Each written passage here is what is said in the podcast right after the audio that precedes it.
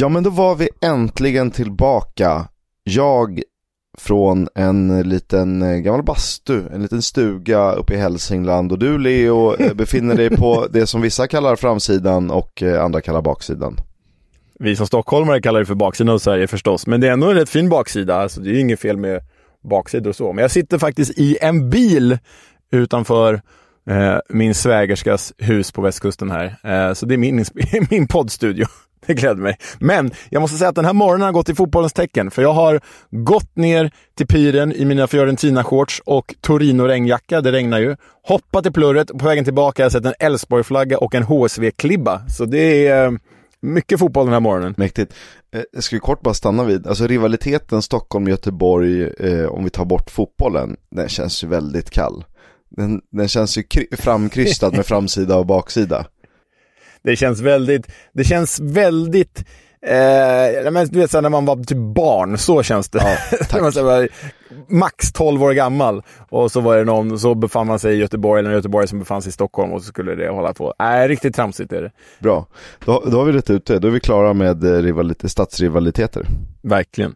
Fantastiskt kul att vara tillbaka. Välkomna till det första avsnittet som ju är en liten eh, guide.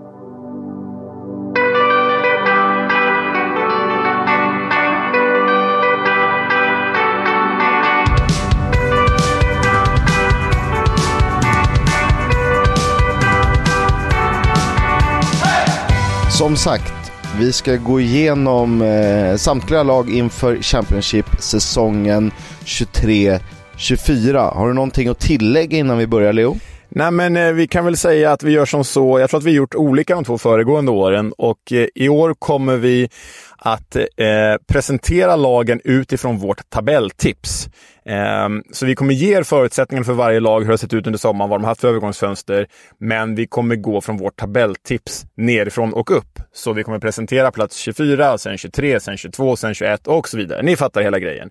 Eh, och så kommer det vara så att Kisk och jag inte läser, alltså du och jag Kisk, vi läser ju inte varannan klubb som vi gjorde förra året om jag minns rätt. För här eh, delade vi ut klubbarna innan vårt tips. Eh, så att man skulle kunna skriva dem. Så ibland kanske du läser två i rad, sen läser jag två i rad eh, och sen en i rad. Det är lite hipp som happ. Det, det får ni leva med helt enkelt. Exakt så är det och eh, vi bad er rösta A till Ö eller 1 till 24 och eh, ni ville ha 1 till 24 och så var det tillräckligt många som kommenterade 24 till 1 vilket ju naturligtvis är logiskt så att man sparar bästa till sist. Eh, så att så gör vi och vi börjar med att berätta att Burnley, Sheffield United och Luton lämnade Championship förra säsongen efter gedigna insatser således tar plats i Premier League den här säsongen. Ner från Premier League fick vi Leeds, Leicester och Southampton. Välkomna!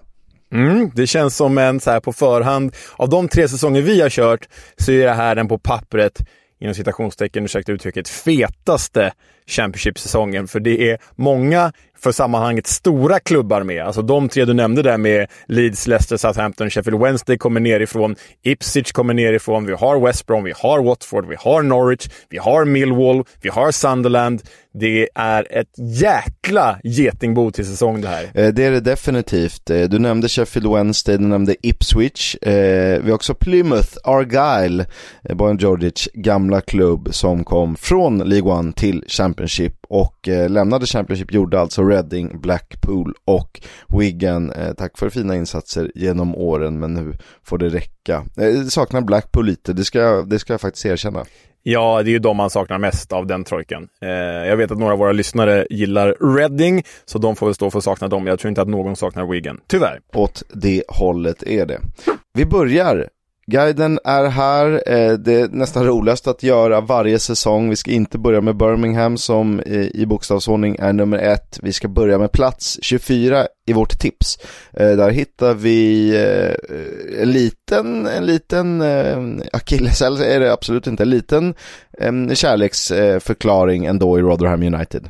Ja, eh, vår gemensamma jumbo. Vi kan väl säga också att vår tabell är ju liksom en sammanslagning av, av våra enskilda tabeller. Alltså att eh, du Kisk, du har ju tippat en tabell, jag har tippat en tabell och har ju sammanfört dem. Så eh, det kan ju vara positioner där vi inte är överens, men så har det blivit ett snitt, en snittplacering då. Eh, men Rotherham var vi hyfsat överens. Eh, Eh, jag tippar dem jumbo och jag för mig att du tippar dem som tredje jumbo. Jag tror man har dem som nästjumbo. Nästjumbo.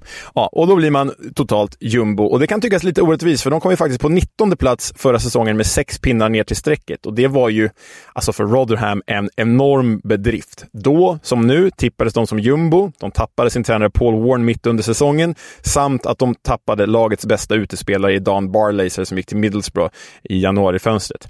Ändå höll de sig kvar. Manager är numera Matt Taylor och inte då den hårdskjutande vänsterspringaren Matty Taylor som vi minns från Bolton och Pompey, utan hans namne bara.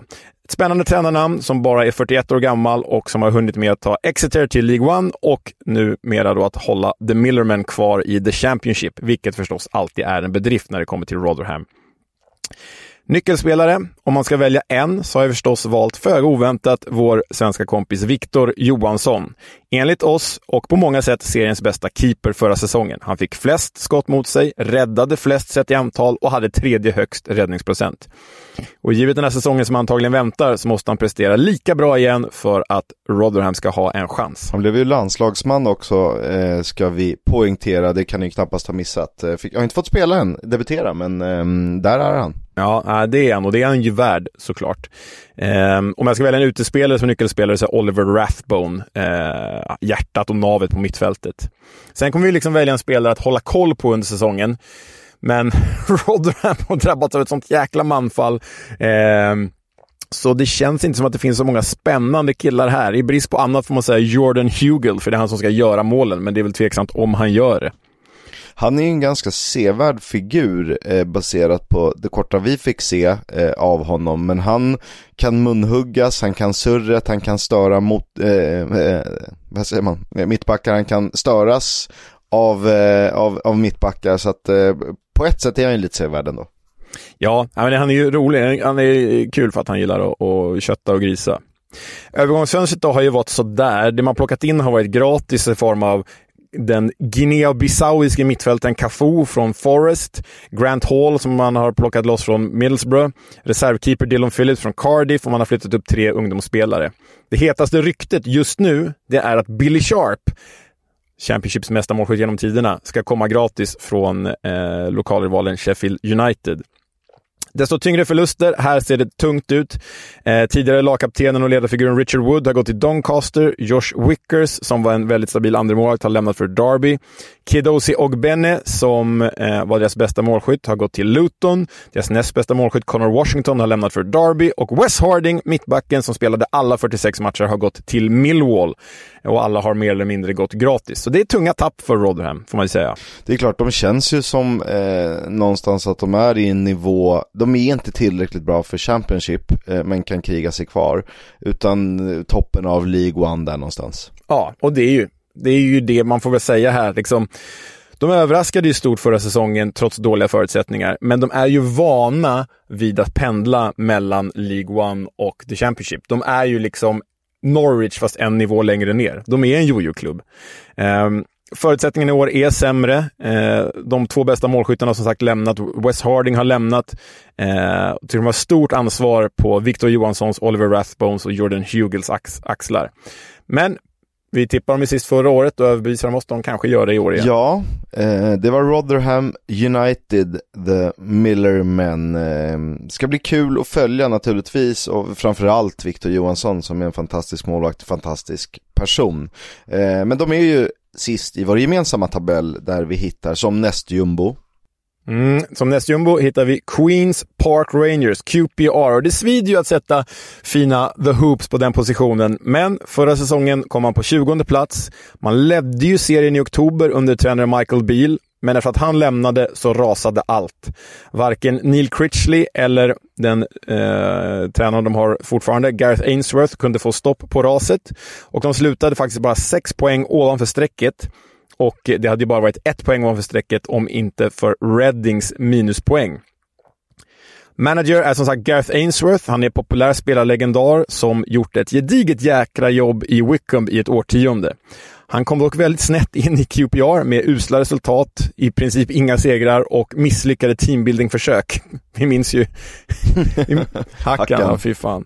Um, han står för en troglodytfotboll som inte alls passar den trupp som QPR har haft de senaste säsongerna. Alltså det är, det är ju slå långt medan QPR har haft många lirare på mittfältet. Så det här är, det, här, det är ju en fotbollskrock det här. Eh, han är trots det en jädra här, härlig pudelrockare med skön stil som är väldigt god i intervjuer. Liksom. Verkar ha hjärtat på rätt ställe men kanske fel, fel syn på fotboll om man säger så. Ja, exakt. Spelsinnet eh, är, är utraderat, men i övrigt gillar vi ju honom. Nyckelspelare borde vara Elias Cheir, en av seriens största ballers och marockansk landslagsman. Han borde ju vara för bra för en bottenstrid i The Championship och eh, det är en riktig jäkla kreatör som eh, borde vara given i ett, i ett topplag i The Championship. Men Frågar man Gareth Ainsworth, som hela tiden spelade förbi honom med långbollar, så eh, är det nog inte Elias Tjejer, utan snarare targetanfallaren Lyndon Dykes. För det är den enda targetspelaren de har i truppen för tillfället, Skotts landslagsman, och det är honom de ska fästa bollarna på nu när Chris Martin har lämnat. Att hålla koll på Chris Willock, för att han kan vara seriens bästa spelare när han är skadefri. Tyvärr är han ju nästan aldrig skadefri och tyvärr så kommer ju Gareth Ainsworth spela bollen över honom också. Om inte Chris Willock så kolla gärna in Albert Odoma, för det är en rolig och passionerad jävel. Övergångar. Ny första keeper i Asmir Begovic. Vi minns ju honom från massa år i Premier League.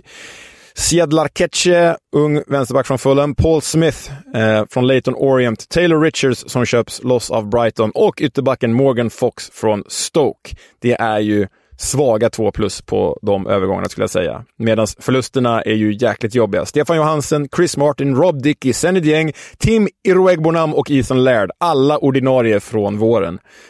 Um, så det ser mörkt ut för QPR, får man ju säga. Det där är ju inte ett eh, övergångsfönster man önskar sin värsta fiende. Nej, nej. Och om vi ska liksom motivera vår placering här då, så är det ju två säsonger i rad har QPR rasat ihop fullständigt. De slutade 11 eh, för, alltså för, förra året då och nu bara ett par matcher från nedflyttning. Eh, Dödgrävarfotbollen som Gareth Ainsworth står för gav ju bara ung, ångest och eh, inga förhoppningar inför den här säsongen. Eh, detta samtidigt som budgeten stramas åt. Eh, ja, därför sätter vi dem som nästjumbo. Ja, definitivt eh, bottenstrid. Ja. Jag ser inget annat i nuläget. Tyvärr. Eh, särskilt, särskilt inte om man ska eh, spela förbi sina två bästa spelare, Shahir och Willock. Och nu eh, har vi kommit till eh, det tredje och sista laget vi placerar under strecket. Och det har blivit din turkisk att presentera dem. Mm. På plats 22 då enligt vårt gemensamma tips hittar vi Huddersfield Town. De är faktiskt min jumbo. Eh, och det är också ett lag jag är övertygad om eh, spelar en bottenstrid när vi sitter här om ett år. Ja, inte riktigt om ett år, vad blir det då? 9-10 månader, någonting sånt. Eh, förra säsongen slutade de på plats 18. De hade 9 eh, poäng ner till osäker mark och de leds av Neil Warnock, vem annars? Han fick ju faktiskt förlängt efter att ha räddat kvar The Terriers eh, förra säsongen med en, eh, ja, en insats som inte ens vi i vår vildaste fantasi kunde drömma om eh, när vi såg hur det var, vart det, vartåt det barkade. Nej, och här eh, får man väl säga då att eh, han gjorde en jäkla, det var ju the great escape liksom. Och här har ju faktiskt du och jag lagt dem på varsin sida om strecket. Där, där eh, du nog egentligen har mer rätt på pappret, men jag vågar, jag vågar tro på the knock. Eh, det, det, det, får du eh, tro på eh, hur mycket du vill. Eh, Tack. Vi är lite olika i våra nyckelspelare. Jag väljer alltid ut tre stycken av olika anledningar. Du kanske är lite mer sparsam. Men de tre jag väljer ut i Huddersfield är ju målvakten Lee Nichols. Eh, inte förra säsongen, säsongen innan det var han ju bäst i serien. Hade lite svagare fjolårssäsong. Michal Helik, polsk mittback och kommer bli otroligt viktig för det här laget. Liksom Sorba Thomas, eh, ytten och kreatören och eh, assistmakaren som ju varit på vift, bland annat lån till Blackburn Rovers under förra säsongen. Ett väldigt konstigt sådant, men han är nu tillbaka hoppas vi och spelar ordinarie.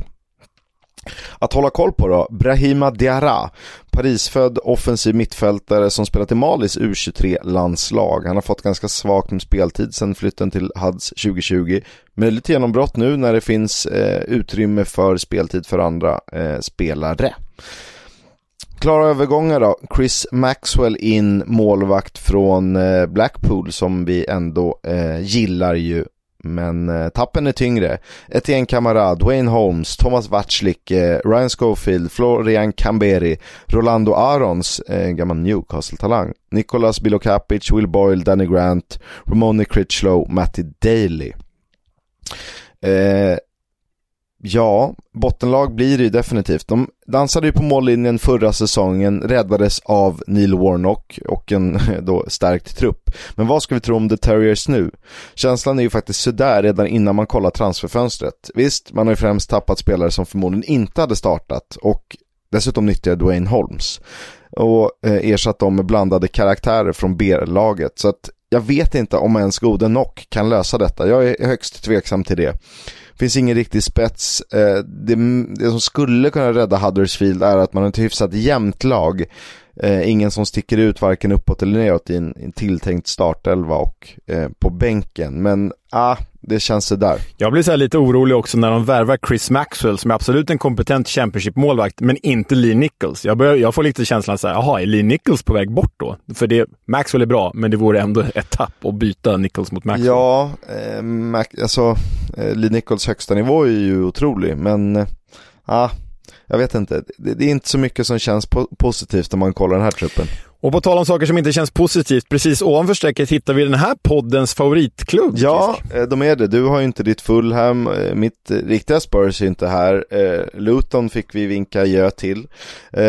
Så poddens favoritlag är ju Sheffield Wednesday The Owls, som slutade trea i League One Ehm, förra säsongen, var på väg att bränna allting mot Peterborough, men jag hoppas att ni kommer ihåg vad som hände då, annars får ni väl googla och fräscha upp minnet för att de vände ju eh, 0-4 och sen tog de sig till eh, eh, playoff i en seger i finalen mot Barn, Barnsley. Barnsley. Det, var, det, var, alltså, det var jäkla dramatik. Den semin och den finalen.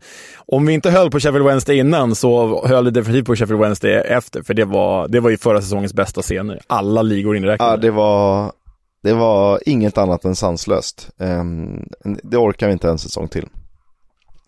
Uh, manager är Chisco Munoz, uh, spanjoren.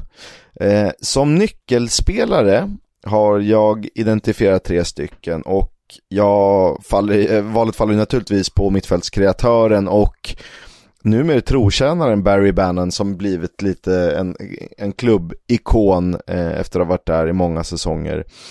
Sen gillar jag eh, Liam Palmer som kan ju användas, när de har spelat treback så har han ju varit en, eh, en av ytterbackarna då. Eh, han funkar både som ytterback, mittback, kan även figurera på ett, någon slags sittande mittfält. Och så målskytten på topp, Michael Smith såklart. Eh, vi ska återkomma lite till dem. Och eh, att hålla koll på, jag brukar försöka hitta någon un, ung talang som kan slå igenom. Eh, men att hålla koll på den här säsongen det är ju Thank You Mr. Chansiri banderollen som hänger där på Hill Hillsborough. som också är skriven på thailändska, som att någon i, i, i Sheffield talar flytande thailändska. Ja, eh, nej, men så känns det ungefär. Ja. Eh, sen är det väl inga nödvändigtvis dåliga övergångar som de har säkrat. Reams, Reece James, eh, vänsterback från Blackpool och Juan Delgado, högerback från Pasos de Ferreira. Eh, förluster då, David Stockdale, Fisayo Dele Bashiru, Jaden Brown, Dennis Adeniran, Ben Hennigan och Jack Hunt. Eh, jag vet inte, det snackas inte heller så mycket om eventuella rykten och för mig är det här en, ett, ett klart bottenstridslag. Eh, poddens favoritlag efter besöket på Hillsborough i februari skulle ju ta Championship med storm likt Sunderland och de skulle visa att man hörde hemma betydligt högre upp än League One. Nu känns det ganska avlägset. Alltså det är ju så här, får man ens ihop en full matchtrupp? Och är Chisco Munoz verkligen ett så mycket bättre alternativ än Darren Moore eftersom de inte kom överens de två parterna? Nej, så där är ordet det känns. Eh, stommen med Palmer, med Walks, med Bannon, med Windass, med Gregory Smith är ju förvisso kvar. Men det är inte heller kanske en stomme som verkligen håller för konkurrensen i Championship eh, utan fler förstärkningar. Dessutom tycker jag det var eh, synd att man släppte playoff-hjälten Jack Hunt. Om du ändå ska kvar lite halvdassiga figurer så, så um, kan du lika gärna ha kvar en till. Alltså, jag delar ju din analys helt och hållet här och tyvärr är det väl ägare, thailändaren Chansiri, som sätter pinnar i hjulet för, för det här projektet. För Darren Moore, som tränade Wednesday, alltså de tog ju poängrekord som trea. Många år hade de ju vunnit League One med de poäng de tog för, förra året. Nu hade han lite oflytt och, och kom trea. Men alltså Darren Moore valde ju att avgå då, om jag förstått, förstått det rätt, för att Chanceris målsättning inför den här säsongen är som sämst playoff. Men han tänker inte förstärka truppen nämnvärt och då väljer Darren Moore att gå och det, alltså, det är en jävla cirkus. Tyvärr på en sån fin klubb. Eh, verkligen, det är slöseri om de ska ner igen och nu är väl många av de som har blivit liksom viktiga pjäser, Barry Bannon, Liam Palmer till exempel, de är väl okej okay med League One, eh, för de får ju feta löner, även om inte Barry Bannon typ är bäst betald i, eh, även i Championship. Men eh, nej, eh, eh slöseri med eh, waste of talent med klubb. Verkligen. Nästa då, 20 plats i vårt tips hittar vi Cardiff City. Mm. Eh, I så fall en placering bättre än förra årets 21 plats. Då kom de ju en plats ovanför strecket eh, och de skulle ha åkt ur om det inte vore för Reddings straff på 6 minuspoäng. Tränare heter inte längre Sabrila Mucci. Han fick inte förlängt och nu återfinns istället chansningen Errol Bulut på bänken. Och vem fan är Errol Bulut undrar du? Och det undrar jag också och säkert våra lyssnare med, Kisk. Men det är alltså en 50-årig turk med en gedigen spelarkarriär i klubbar som Fenerbahce och Olympiakos. Eh, som tränare har det gått både upp och ner i den turkiska ligan. Han misslyckades stort med Fenerbahce för ett par år sedan, men han har tagit lilla Alanyaspor till cupfinal. Nu senast eh, tränade han Gaziantepspor. Vad det nu är värt. Jag är inte så insatt i den turkiska ligan så jag kan svara på det. Nyckelspelare, en gammal eh, favorit för dig, Kisk, Carlen Grant, som ju är ny för säsongen. På pappret får vi ändå säga ett dunderlån från West Bromwich Albion, eh, som dessutom bildar ett väldigt framgångsrikt anfallspar i just West Brom med Callum Robinson. Och Callum Robinson, min favorit, återfinns ju i Cardiff än idag. Eh, om skadefria kan nog det här anfallsparet bli Walesarnas räddning då The Bluebirds faktiskt bara mäktade med 41 mål förra säsongen och det var bara Wigan som gjorde färre. Så stor, stort ansvar vilar på Carlin Grants axlar. Att hålla koll på eh, säger vi den egna produkten Ruben Colwill, 21 år ung, offensiv mittfältare som hade en mellansäsong i fjol, desto bättre året före. Tid för revansch och rejält genombrott nu, det eh, siar vi om i alla fall. Övergångar då. Eh, på pappret ser det faktiskt riktigt jäkla bra ut måste jag säga. Jag som är lite anti-Cardiff i, i den här poddens kostym. Eh, sitter faktiskt med en Swansea-tröja under min pullover här. Eh, Nej, jag tycker det ser riktigt bra ut. De har fått in Colin Grant. De har plockat in Jakou Meite gratis från Reading. Det är ju en spelare med väldigt hög högsta höjd, även om han är ojämn. Eh, de har plockat in en grekisk mittback från Sivaspor som heter Dimitrios Gutas. Och framförallt har ju den förlorade sonen kommit åter. Och det är inte Gareth Bale, men det är nästan så. Det är Aaron Ramsey är ju tillbaka på walesisk mark. Eh, det är ju inte den Aaron Ramsey som var så bra i Arsenal en gång i tiden. Det är ju han. Så bra är han inte längre, men han har ju inte avverkat Juventus, Rangers och Nice sen han var i Arsenal. Det var lite roligt att du sa att det var inte den Aaron Ramsey. Du tänkte, nej, ska vi börja förklara att den här andra Aaron Ramsey som var på lån och... nej, det är ju faktiskt den Aaron Ramsey, bara att han inte är lika bra längre. Ehm, och hans son som är typ tio år gammal också eh, skrivits in i klubbens eh, akademi. Och en frisk Aaron Ramsey är ju faktiskt värd ganska många placeringar för en klubb som Cardiff spelade ut bara dödkött, utom Sorikaba vars lån tog slut. Han var ändå klubbens bästa målskytt med åtta mål på 17 matcher senast. Åker Cardiff ur, eller håller de sig kvar tack vare detta fina övergångsfönster? Det får väl Grant och Ramsey eh, svara på. Spelarna in imponerar, men var står Errol Bulut? Känns som det största frågetecknet av alla tränare i den här serien. Eh, kanske mest för att vi inte kan så mycket om den turkiska fotbollen egentligen. Eh, dessutom verkar klubben nu ha lämnat eh, kontroverserna kring Emiliano Sala bakom sig till slut efter att ha betalat eh, Nant massa pengar. Eh, Senaste säsongerna har Cardiff slutat 5, 8, 18, 21. Det är ju en nedåtgående spiral, så vi får se om de kan bryta den trenden.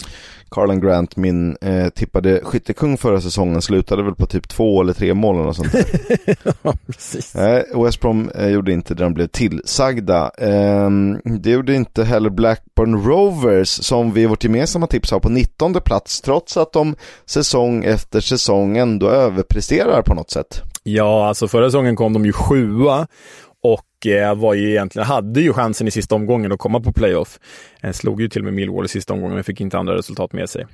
Eh, precis som föregående säsong var de ju en playoff-kandidat, men de föll ur på slutet. För två år sedan kom de åtta, nu då som sagt senast sjua. Det var bara målskillnaden som hindrade dem från den sista playoff-platsen. Tränare är ju JDT, den gamla Champions League-vinnande dansken Jon Dahl Tomasson, som ju har tränat Malmö till Champions League också, tog ju två raka SM-guld där. Eh, har ju, det är ju oerhört imponerande. Det som är speciellt med liksom hans tid i Blackburn är att sjua är ett otroligt imponerande resultat. Men tittar man till liksom underliggande siffror som XG, hur mycket värde man nu vill lägga vid det, så var ju Blackburn ett av de sämsta lagen offensivt och defensivt förra säsongen, men kom ändå sjua. Så det är lite, det är lite svårt att veta hur, hur bra, hur bra eller dåliga de egentligen var där. Eh, varit stökigt under sommaren för Jon Dahl Tomasson har krävt förstärkningar och investeringar i truppen. Men eh, ägarna Venkis från Indien har åkt på en stor skattesmäll hemma i Indien, vilket har inneburit att de snarare vill sälja spelare istället för att köpa spelare. Så ah, kontrovers i Blackburn-lägret och på Ewood Park. Och det har ju pratats om, nu kanske jag eh, föregår vad du ska säga, men att han eh, kan tänka sig att eh, eh åta sig andra uppdrag eh, som manager. Ja, det ryktades ju länge om att han skulle ta över sin gamla klubb Feyenoord eh, när din kära klubb Tottenham ryckte i deras tränare Arne Slåt, men det blev ju inte så till slut. Nyckelspelare hade man ju kunnat säga eh, någon av bröderna Wharton, Scott och Adam Wharton. Eh, och de är väl nyckelspelare de också, men jag väljer faktiskt Louis Travis. Eh, mittfältskugge som spelade 48 matcher alla tävlingar förra säsongen. Bara Ben Bertrand Diaz spelade fler matcher. Eh, Louis Travis är ju ingen spektakulär spelare, gjorde bara två mål, men han är pålitlig som tusan och hjärtat i det här laget tillsammans med bröderna Wharton. Därtill eh, kan han ju klassas som egen produkt och han kom från Liverpool i tonåren att hålla koll på är ju den allsvenska bekantningen, eller allsvenska stjärnan får man väl säga, Arnor Sigurdsson, som nu värvas loss från CSKA Moskva. Han gjorde ju 11 mål på 21 matcher för Peking under utlåningen eh, och eh, ja, den där matchen AIK-Norrköping när han bara liksom sågade sönder AIK-försvaret gång efter annan. Blir du glad Kisk när jag sänker AIK i sådana eh, sammanhang? Ja, där och då hade nog fasen jag kunnat rinna igenom det försvaret. ja, nej men Arnold Sigurdsson kan bli en sensation, eh, helt klart. Eh, håll även koll då som sagt på lillebrorsan Wharton, Adam Wharton, blott 19 år. Övergångar in, Arnold Sigurdsson från CSKA Moskva. Niall Ennis gjorde ändå 13 mål för Plymouth i League One senast. Sondre Tronstad, norsk 27-årig mittfältare från Jon Dahl Tomassons gamla klubb Vitesse Arnheim. Känns ju okej okay på pappret. Förluster är tunga. Ben Ber Berton Diaz har gått till Villarreal. Bradley Dacks kontrakt har gått ut. Daniela Jallas kontrakt har gått ut och så vidare. Eh, ja, speciellt fönster.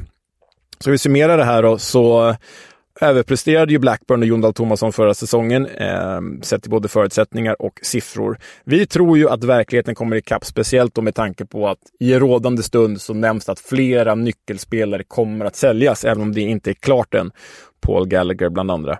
Eh, så för att vårt tips ska stämma så måste väl de här ryktena eh, hända också. Alltså de här spelarna måste försvinna. Men oavsett det, vi säger att truppen stannar och blir kvar, så tror vi ändå inte att de kan motsvara förra årets sjunde plats. Frågan är om det här, givet tidigare säsonger, är det lag som kanske har störst spann eh, beroende på lite vad som händer. Alltså man skulle inte vara förvånad om de återigen nosar på playoff givet eh, att de eh, är bra i flera delar av spelet. Men det är inte så konstigt heller om de behöver kriga i botten. Eh, det är inte så många andra klubbar man känner så med, ett par stycken möjligtvis. Ja, eh, nej men exakt. Det är väldigt stor det är några få klubbar som har det här stora spannet. För, för, egen del tycker jag ändå att nästa klubb kan hamna där någonstans ja. också i ett sånt spann. Inte lika stort som Blackburn, men ändå ja, men jag köper din analys. Ja. Eh, nästa klubb är Birmingham City eh, som ju slutade på 17 plats förra säsongen. Eh, vårt tips är att de slutar på 18 plats när vi slår ihop våra okloka huvuden. De leds av John Eustace, eh, tidigare spelare i bland annat Stoke och Watford. Eh, kom ju som eh, från det irländska landslaget som assisterande tränare tidigare, varit i QPR på olika assisterande och caretaker-uppdrag.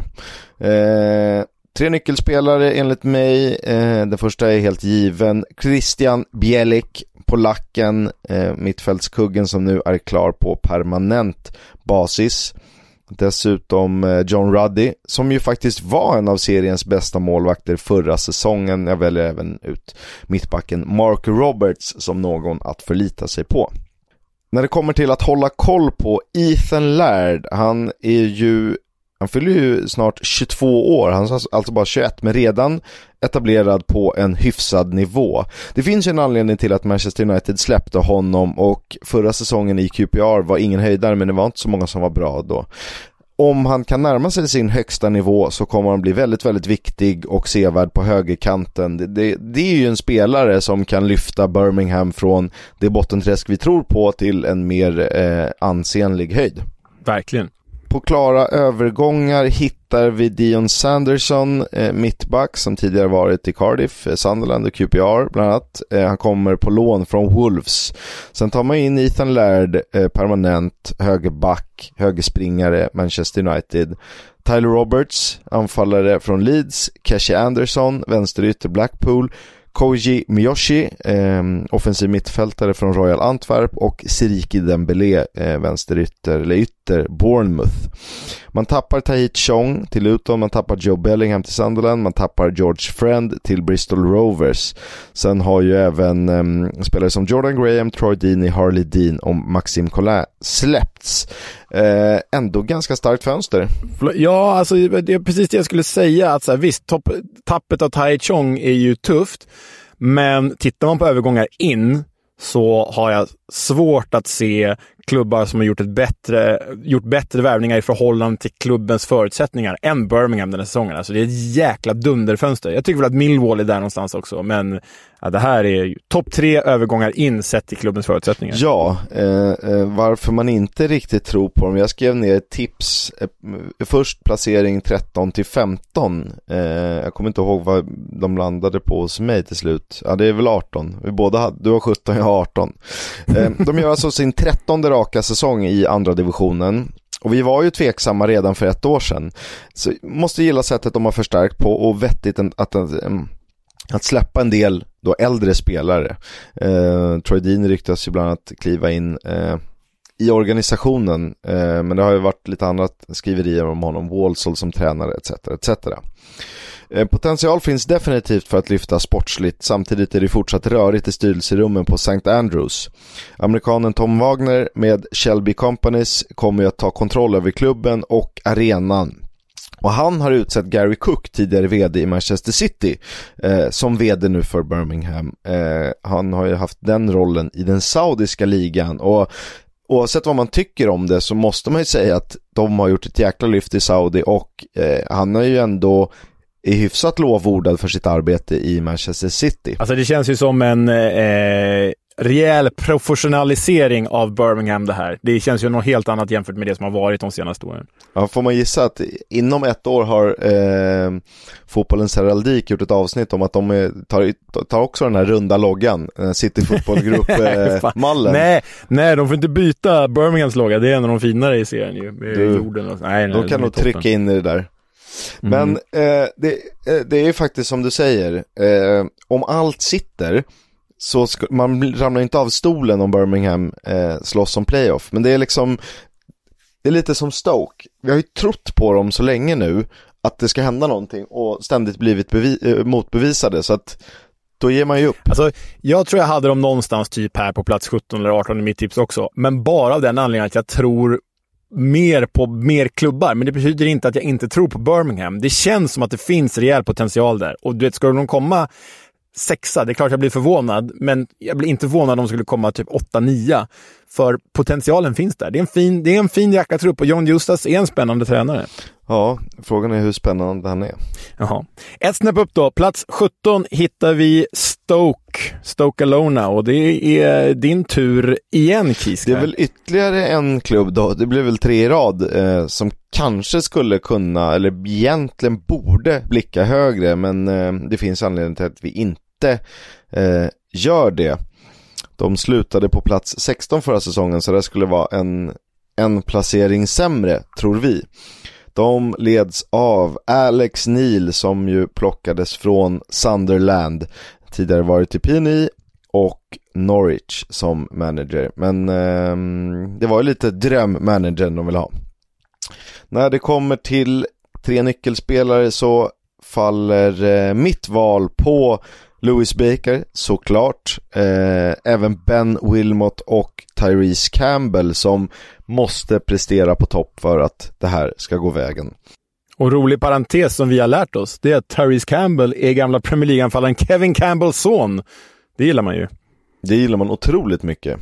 En spelare som skulle kunna nämnas som nyckelspelare men som jag väljer att hålla koll på är Kiana Höver, eh, holländaren som återigen blir inlånad från Wolverhampton. Otroligt skicklig ytterback som kan vara skillnaden om Stoke vill blicka uppåt. Eh, nu låter jag som en repig skiva men det visade han ju. Eh, poängstark också eh, tydligen förra säsongen.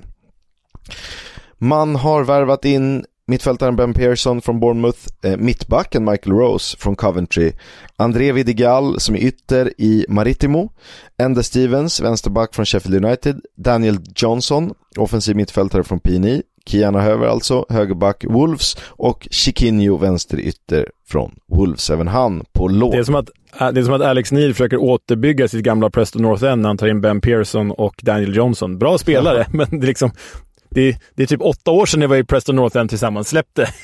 ja, lite så. Eh, kan gilla Michael Rose också. Frågan är hur, liksom, hur stor skillnaden blir.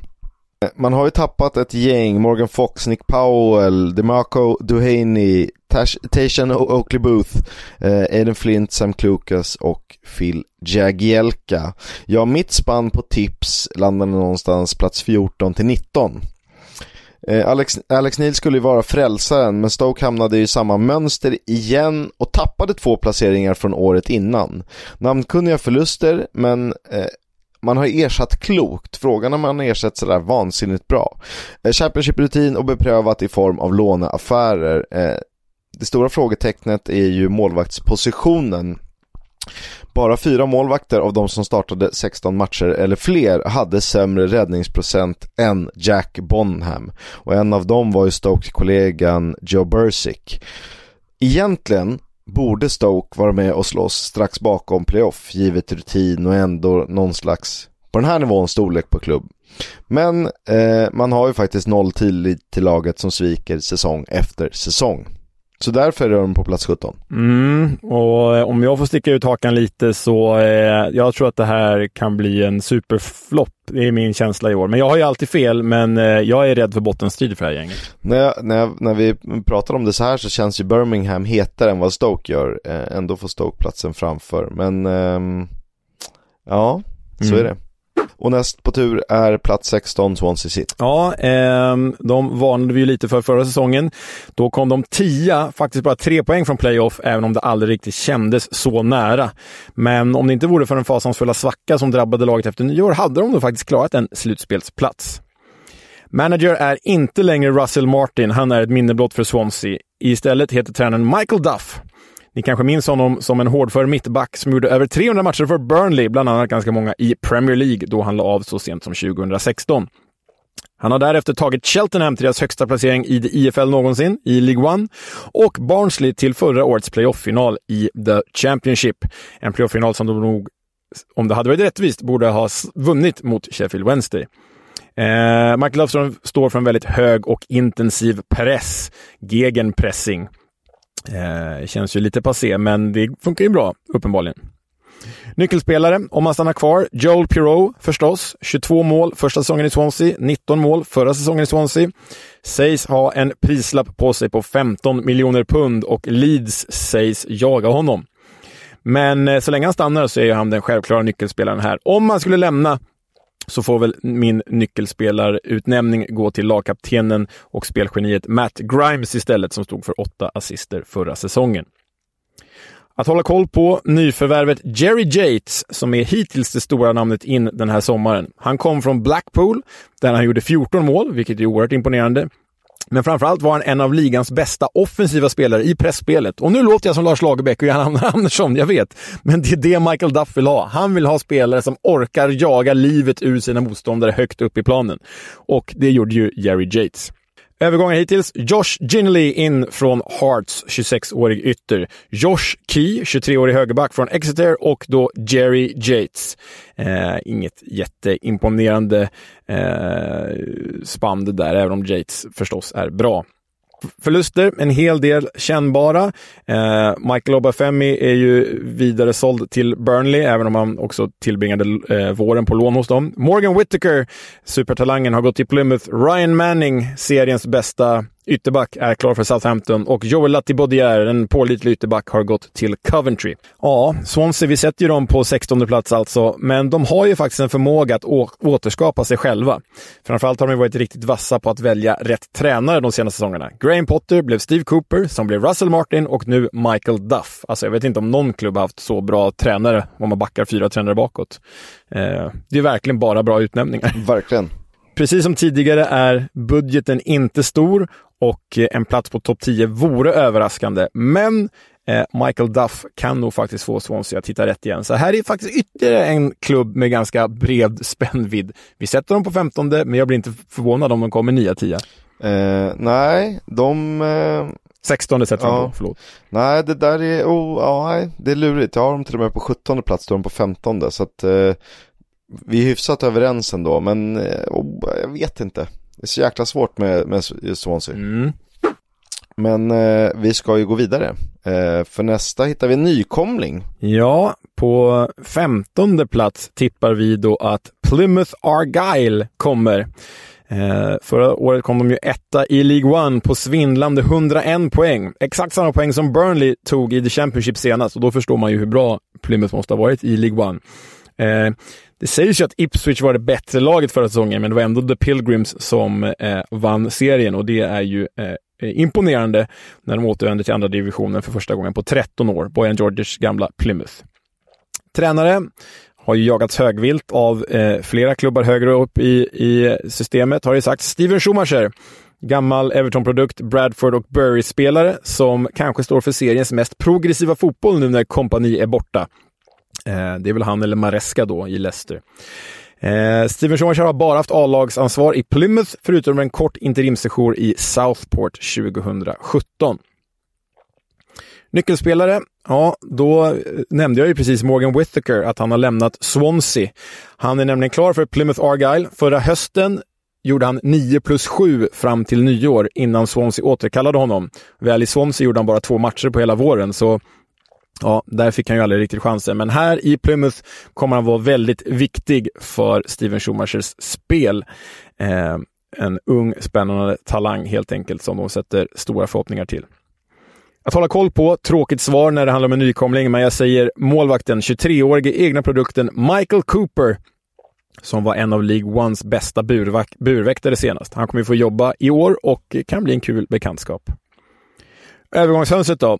Morgan Whittaker tillbaka, mycket bra. Bali Mumba, Norwich-produkt, som också var på lån i Plymouth förra säsongen, har köpts loss. Det här är ju, det känns ju superbra. Ja, det var ju, han var ju League Ones eh, Ryan Manning, så det är ju en, det är ju en eh, supervärvning det också. Man har värvat en reservkeeper i Connor Hazard från Celtic. Man har plockat in en Everton-talang i form av Lewis Gibson. Man har plockat in en av holländska ligans mest omskrivna eh, försvarare positivt i Julio Pleguezuelo, spanjor. Jag vet inte vad det är värt, för både du och jag hade liksom kunnat vara försvarare i holländska ligan. För alla blir bara ifrånsprungna där. och sen då en eh, Aston Villa, ett Aston Villa-lån i Kane Kessler Hayden. Eh, de har släppt över tio spelare, men den enda kännbara förlusten är anfallaren Nile Ennis som har gått till Blackburn. Ja, svensk delägda Plymouth, Victor Hedman, NHL-stjärnan, äger 20 procent av klubben, är en spännande nykomling som inte riktigt har historia för den här nivån, men ordentlig potential. De har ett intressant bygge, de har en spännande tränare och de har ett ungt, fräscht lag. De bör klara sig utan problem i vår känsla. Eh, ja men det tror jag. Jag tycker att det finns en del andra stötar till fotbollslag eh, som borde landa längre ner. Exakt. Eh, och det är väl det eh, faller på. Eh, plus att de ändå har rätt mycket spännande. Vi går vidare till plats 14 och eh, ja, vad ska man tro? Eh, om Bristol City. Ja, vårat Bristol City som, som vi har vurmat lite för de här åren. De kom ju på 14 plats förra året. Vi tippar dem på 14 plats nu. Då hade de 15 poäng ner till säkert 10 poäng upp till playoff och det är väl lite så det känns med dem i år också. Men återigen ett gäng. Det här mittenskiktet, Kiss, det känns som kan fluktuera väldigt mycket. Det känns som att alla kan... När man väl pratar om det så är alla eh, jojo-lag här. Ja, det känns som att det kan skilja 10 placeringar på alla de här klubbarna. City, The Robins, tränas i alla fall av Nigel Pearson som ju är en gammal veteran som är ju och kanske fortfarande mest känd för att ha fått sparken eh, i Leicester efter en skandal på träningsläger i Thailand. Eh, som sen Claudio Ranieri tog över och vann Premier League med Leicester. Men det vet ni redan. Eh, han är ju ganska hårt kritiserad av liksom expertis utanför Bristol City. Men frågar man Bristol City-fansen så är de väldigt nöjda med Nigel Pearson. Att han är rätt fram, han är rak, han eh, tar striden mot domarkåren. Riktig gammal brittisk gubbe helt enkelt. Nyckelspelare, eh, allas vår favorit Alex Scott, om han är kvar förstås. Eh, tonåringen från Guernsey som fick sitt stora genombrott förra säsongen. Han har ju jagats av halva Premier League den här sommaren. Om han flyttar till Wolves, vilket har rapporterats om, så får väl nyförvärven Jason Knight från Derby och Ross McCrory från Aberdeen ses som nyckelspelare. De ska ju täcka upp både eh, i försvaret och på mittfältet centralt. Att hålla koll på, vi känner dem ju redan, men vi tar det igen. Tommy Conway, egen produkt och roomie med Alex Scott. Anfallaren som fick ett litet genombrott eh, förra säsongen med 12 mål för The Robins. Målbäst i laget således och siktar på mer i år. Övergångar då. Man har fått in Ross McCrory från Aberdeen. Rob Dickey, målglad mittback från Queens Park Rangers, som kan få en, eh, ja, men kan han få en revansch i Bristol City? Han är ju bra egentligen. Hedon Roberts, 21-årig vänsterback från Brighton och då Jason Knight, 22-årig eh, eh, mittback slash mittfältare från Derby. Känns bra och intressant eh, på pappret. Känns som ett fint eh, övergångsfönster in, måste jag säga. Ja, men det, det är väl helt okej. Okay. Ehm, ändå, ungt, eh, satsa nytt. Ja. Ut, Jada Silva går till Coventry, Kane Wilson har gått till Derby och han Noah Masengo, den franska talangen, har lämnat. Förra säsongen så överskattade vi The Robins, så inte i år. Vi sätter dem som ett mittengäng, men de har ju flera spännande ingredienser eh, i spelarväg och i den underhållande fotbollen som de faktiskt spelar. Tunn trupp, gör ju att playoff-drömmarna känns ganska långt borta. Eh, men kul med alla de här unga talangerna, om Scott är kvar, Conway, som blandas med de här liksom elefantkyrkogårdsnamnen i Andy Weiman, Cal Naismith, Andy King, Rob Dickey. Ah, det, är en härlig, det är en salig blandning i Bristol City och det gillas. En, en lite mer eh, intressant tränare kanske hade kunnat få det att kännas rätt mycket bättre. Ja, ja, ja, verkligen. En, sett Steven Schumacher där så hade man kanske tippat om mm. åtta helt plötsligt. Ja, eh, det finns mer att ta av, det gör det tydligen i fler, flera lag. Ska vi bränna av den sista nykomlingen då? Det är väl dags på plats 13? Ja men det tycker jag. Ipswich Town som ju eh, äntligen är tillbaka för nu har vi ju vårt Old Farm. De slutade två i League One, tog alltså den andra direktplatsen bakom Plymouth. Här tippas de före Plymouth. Eh, kanske mycket för att de leds av Kieran McKenna eh, som ju kom 2021. Han var då assisterande tränare i Manchester United, hade varit i deras, i deras ägo sedan 2016, dessförinnan i Tottenhams U18 som ju beskrivs som en väldigt flexibel manager. Han är blott 37 år har sin styrka i att anpassa efter motstånd men eh, aldrig liksom vara bestämd på hur det ska tränas spontant och känna av sitt lag. Eh, jag tror att det här är ett väldigt, väldigt fint tränarämne, kanske ett av de bästa i serien eh, kommer vi titta tillbaka på det som. De tre spelare jag väljer som nyckelspelare är givetvis skyttekungen hela seriens målbäste tillsammans med Johnson Clark Harris, Connor Chaplin. Eh, mycket berodde också på att han fick fina framspelningar av vår gamla poddfavorit Leif Davis, eh, som vi började med att kalla Leif Davis. Fan vad du Leif Davis låter bra. Eh, dessutom mittfältaren, kaptenen Sam Morsey. Eh, och det här blir lite lustigt att hålla koll på. Sone Aluko, som vi minns från Hall 2012 till 2016, dess, därefter i Fulham och i Reading. Han är 34 år, inte lastgammal, men still going strong. Inga mål förra säsongen, eh, men ändå kul att han eh, håller på på den här nivån och kan säkert smälla in en om han får lite speltid. En gammal fin Fulham-bekanting ändå, det ska, måste ju premieras, det gör du rätt i. Naturligtvis. Eh, till lite mer seriösa jokrar så eh, kan nog Omari Hutchinson bli det stora utropstecknet. Han lånas in från Chelsea, han är offensiv mittfältare och oj vad det kan bli bra. Klara övergångar, George Hurst, han är forward från Leicester, Jack Taylor, mittfältare Porsche, bra. Omari Hutchinson alltså offensiv mitt, lån från Chelsea och Kieran Slicker, målvakt från Manchester City. Man har tappat ganska många spelare, eh, däribland Richard Keogh, Joel Coleman, Joe Pigott, Kane, Vincent Young, Rikim Harper, Ghassan Ahadmey, Idris El Misuni, Corey Ndaba, Tete Yengi, Matt Penny, Panucci Kamara. Eh, de vi nämner. Eh, någonstans plats 13 till 17 satte jag. Här är vi alltså i vårt gemensamma 13. Var ska man börja? Med? Ja, här skiljer det sig rätt, rätt stort ju, för jag har ju gått på hela den här Ipswich-hypen. Jag tror att jag har dem typ åtta i mitt eh, tips. Jag tror att det här kan vara en riktig playoff-utmanare faktiskt. Eh, det får du gärna tro, men det är många som nämner dem som ett stort, stort utropstecken. Eh, det såg ju under andra halvan av säsongen 2022-23 riktigt, riktigt bra ut för Ipswich. De hade bland annat 19 raka utan förlust och Kieran McKenna blev manager of the month två gånger i rad. Och han hyllas ju unisont av egentligen alla. Eh, givet att man får behålla stommen och sina nyckelspelare bör man ju kunna sikta mot en mittenplacering utan att skämmas. Eh, Christian Walton stod alla matcher och Ipswich släppte in minst antal mål, men det känns ändå som en möjlig svag länk för Ipswich. Konstigt nog. Eh, man hade ju lite svajiga perioder under säsongen men de 19 utan förlust eh, eh, imponerar ju såklart. Ja, gud ja. Nej, jag tror Ipswich blir utropstecken. Men det ska vi göra lite special av nästa vecka också när vi plockar ut skrällar, utropstecken och floppar och sådär. kan vara värt för folk att ha med sig. Exakt. Och man ska inte glömma att det är en månad kvar av transferfönstret och om vi känner de stora klubbarna i de andra serierna så plockar de spelare väldigt sent. Så att eh, truppan, trupperna är inte skrivna i sten överhuvudtaget. Nu har vi kommit till övre halvan då Kisk eh, och här har vi en ganska tung pjäs som får landa på tolfte plats. Ja, eh, fjolårssäsongens eh, elva är vår tolva gemensamt i Watford som ju eh, styrs av Valeria Ismael. Eh, nästan succé i Barnsley, inte lika bra i West Bromwich Albion.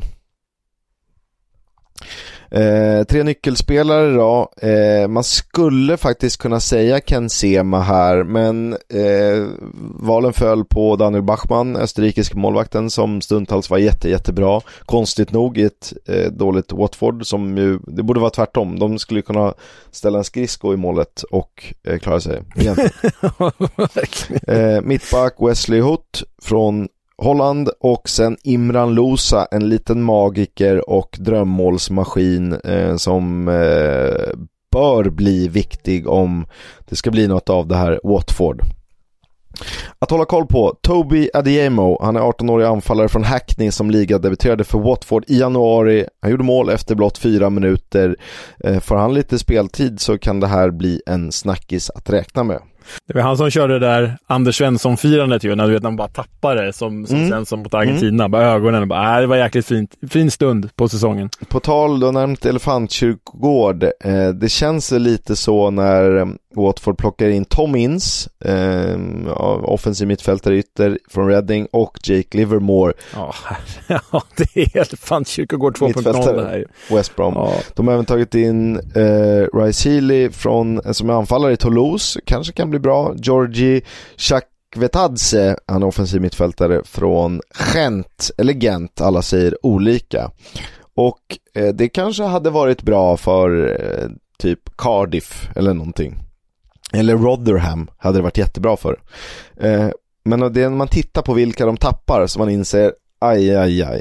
Joao Pedro, eh, alltså stundtals bäst i serien. Ismail mm, Azar, ah, eh, sanslös speed. Sen William Trostekong, Joe Hungbo, Christian Cabasele, Domingos Quina, Leandro Bacuna, Britta Sombalonga, Craig Cathcart, Mario Gaspar, Tom Cleverly, Hassan Kamara. Och eh, det är inte några spelare som kanske förändrar, men du tappar ju väldigt mycket rutin. Och Christian Cabasele tycker jag är överskattad och Troste Kong är ingen jag har gillat och Cathcart har kommit, blivit till åren. Assombalonga färgade inte Cleverly det var väl dags att eh, vinka adjö men det är tunga tapp det är, det är på pappret tunga och många tapp. Sen var ju vi väldigt kritiska mot den där ganska risiga backlinjen förra året, men alltså bara Joao Pedro Ismail Azar, vad är det? Det är 30 poäng mm, som försvinner ut genom dörren där, typ. Eh, alltså 30, 30, då menar jag inte poäng i tabellen, utan 30 så här, mål assister som försvinner ut. Så ja, det, det är tufft. Precis, och det har ju varit mycket snack under sommaren. De åkte ju på ett tillfälligt transferembargo.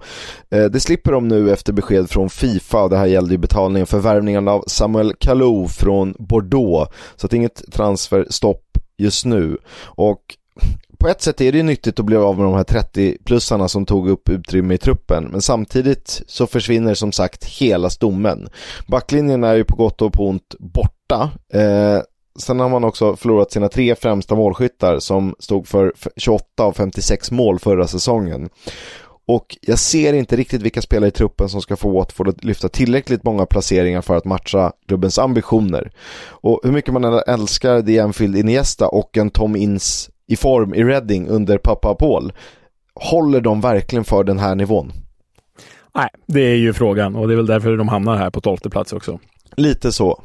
Du, eh, du kan fortsätta Kisk, för du har ju även elvan. Eh, det har jag tydligen, eh, som är Coventry City, eh, som slutade femma förra säsongen och förlorade playoff-finalen mot Luton, det känner ni till. En av de spelarna som eh, var avgörande där, Fankati Dabo, är inte längre kvar i klubben. Eh, manager för Coventry är Mark Robbins som har gjort ett jätte, jättefint jobb på att få ihop det här laget och egentligen inte varit beroende mer än eh, stora delar av säsongen en spelare. Eh, mot slutet var det två spelare som gjorde att man faktiskt nådde playoff-finalen. Det var ju Victor Gyökeres och Gustavo Hammer.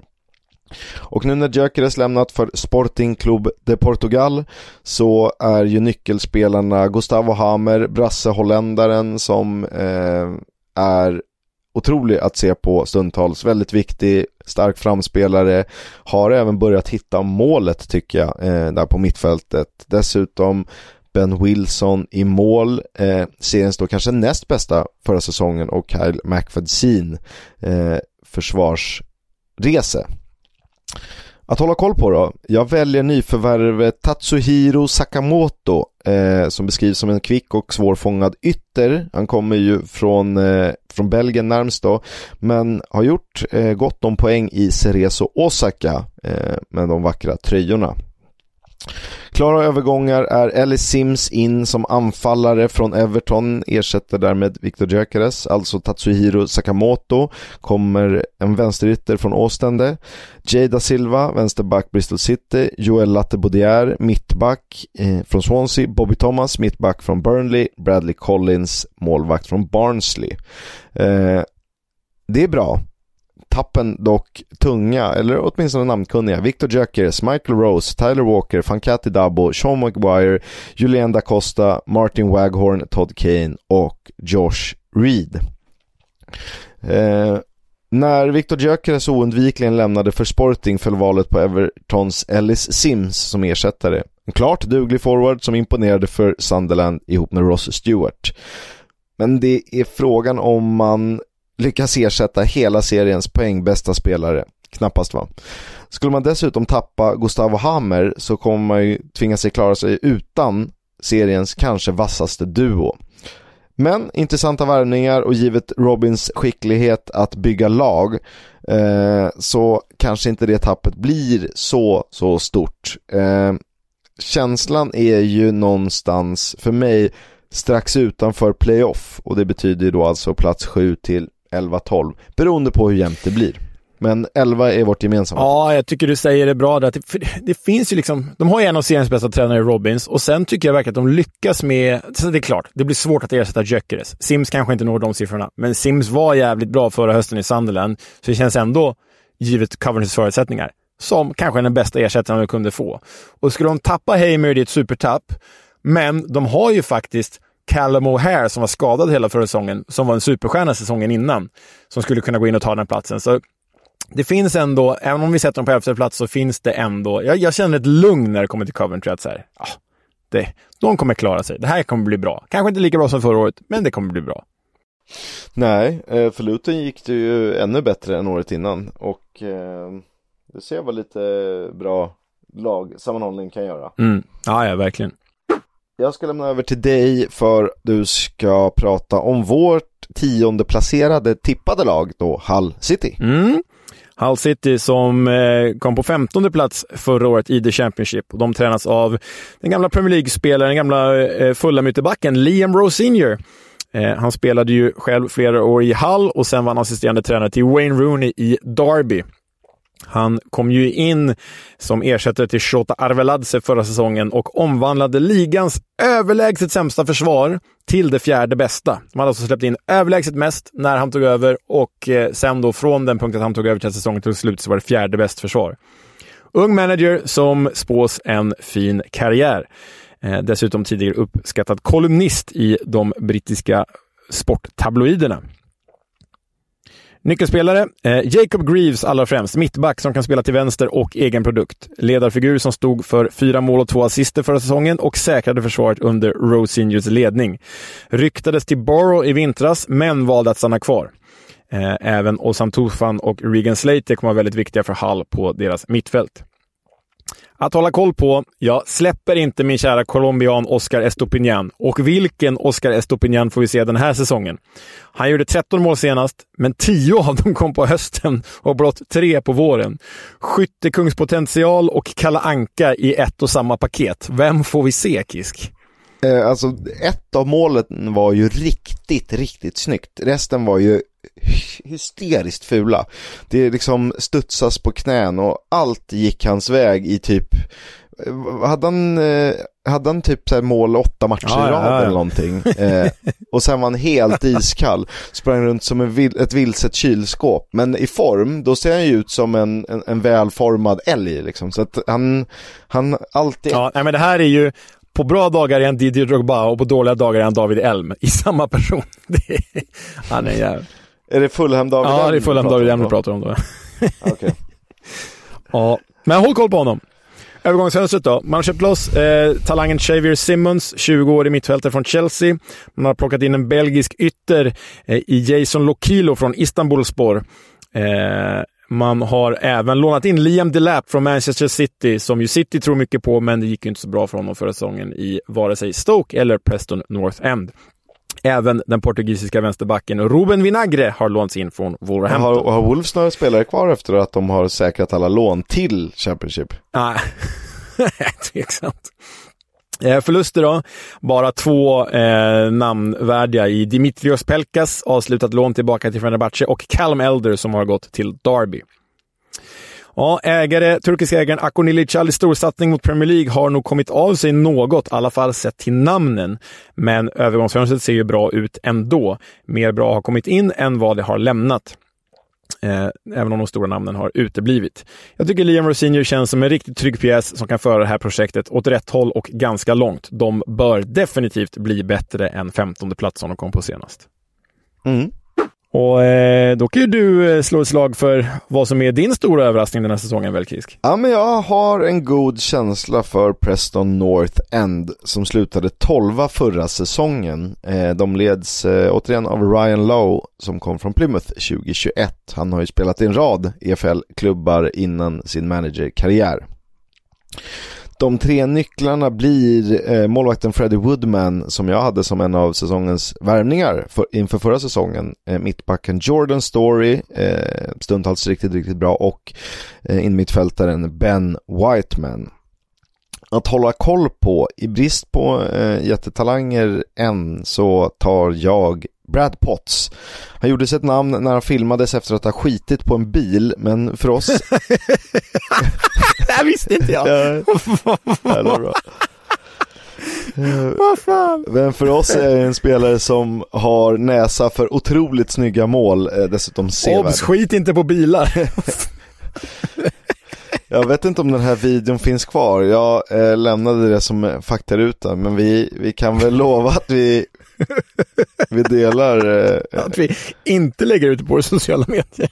Eh, ja, det är oh. kanske det vi ska göra.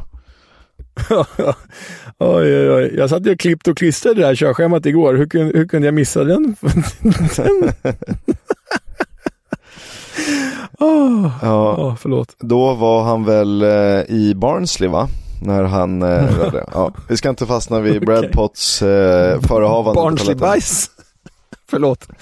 Oj, oj, bra nivå nu. Okej. Okay. förlåt. Man har varvat lite, man har tagit in Mads Frökjär Jensen som är offensiv mittfältare från Odense. Man har tagit in Dwayne Holmes, offensiv mittfältare från Huddersfield, en värvning jag gillar. Eh, sen har man satsat på Will Keane, anfallare Wigan, deras bästa målskytt förra säsongen. Leighton Stewart, eh, anfallare från Liverpool och Calvin Ramsey, ett lån, en högerback från Liverpool.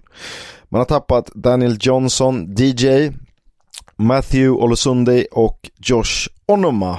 Eh, och det är lite så här, att man tappar DJ, även om man är en ehm, um, trotjänare så får man in Dwayne Holmes. Inte helt olikt. Eh, jag tippar dem också strax utanför playoff. Eh, en mycket märklig säsong inleddes med 2-0 och 11 poäng efter sju omgångar. Och när man väl, alltså mot slutet, började hitta formen och kunde nosa på playoff, då rasade man samman och tog en poäng på de fem avslutande omgångarna.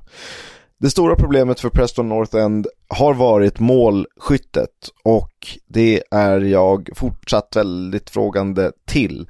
De räddades egentligen av att Everton-lånet Tom Cannon kom igång och att Chad Evans fick en formtopp. Ska Will Keane, 30 år gammal nu, vara den spelaren? Eller litar man på Emil Ries Jakobsen? Skiftet Holms in, DJ ut känns intressant även om man då tappar en trotjänare.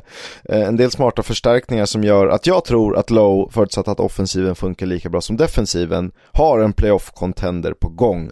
Pini är för mig, eh, denna säsong var Swansea och Bristol City var tidigare säsonger och vi vet ju hur det har gått.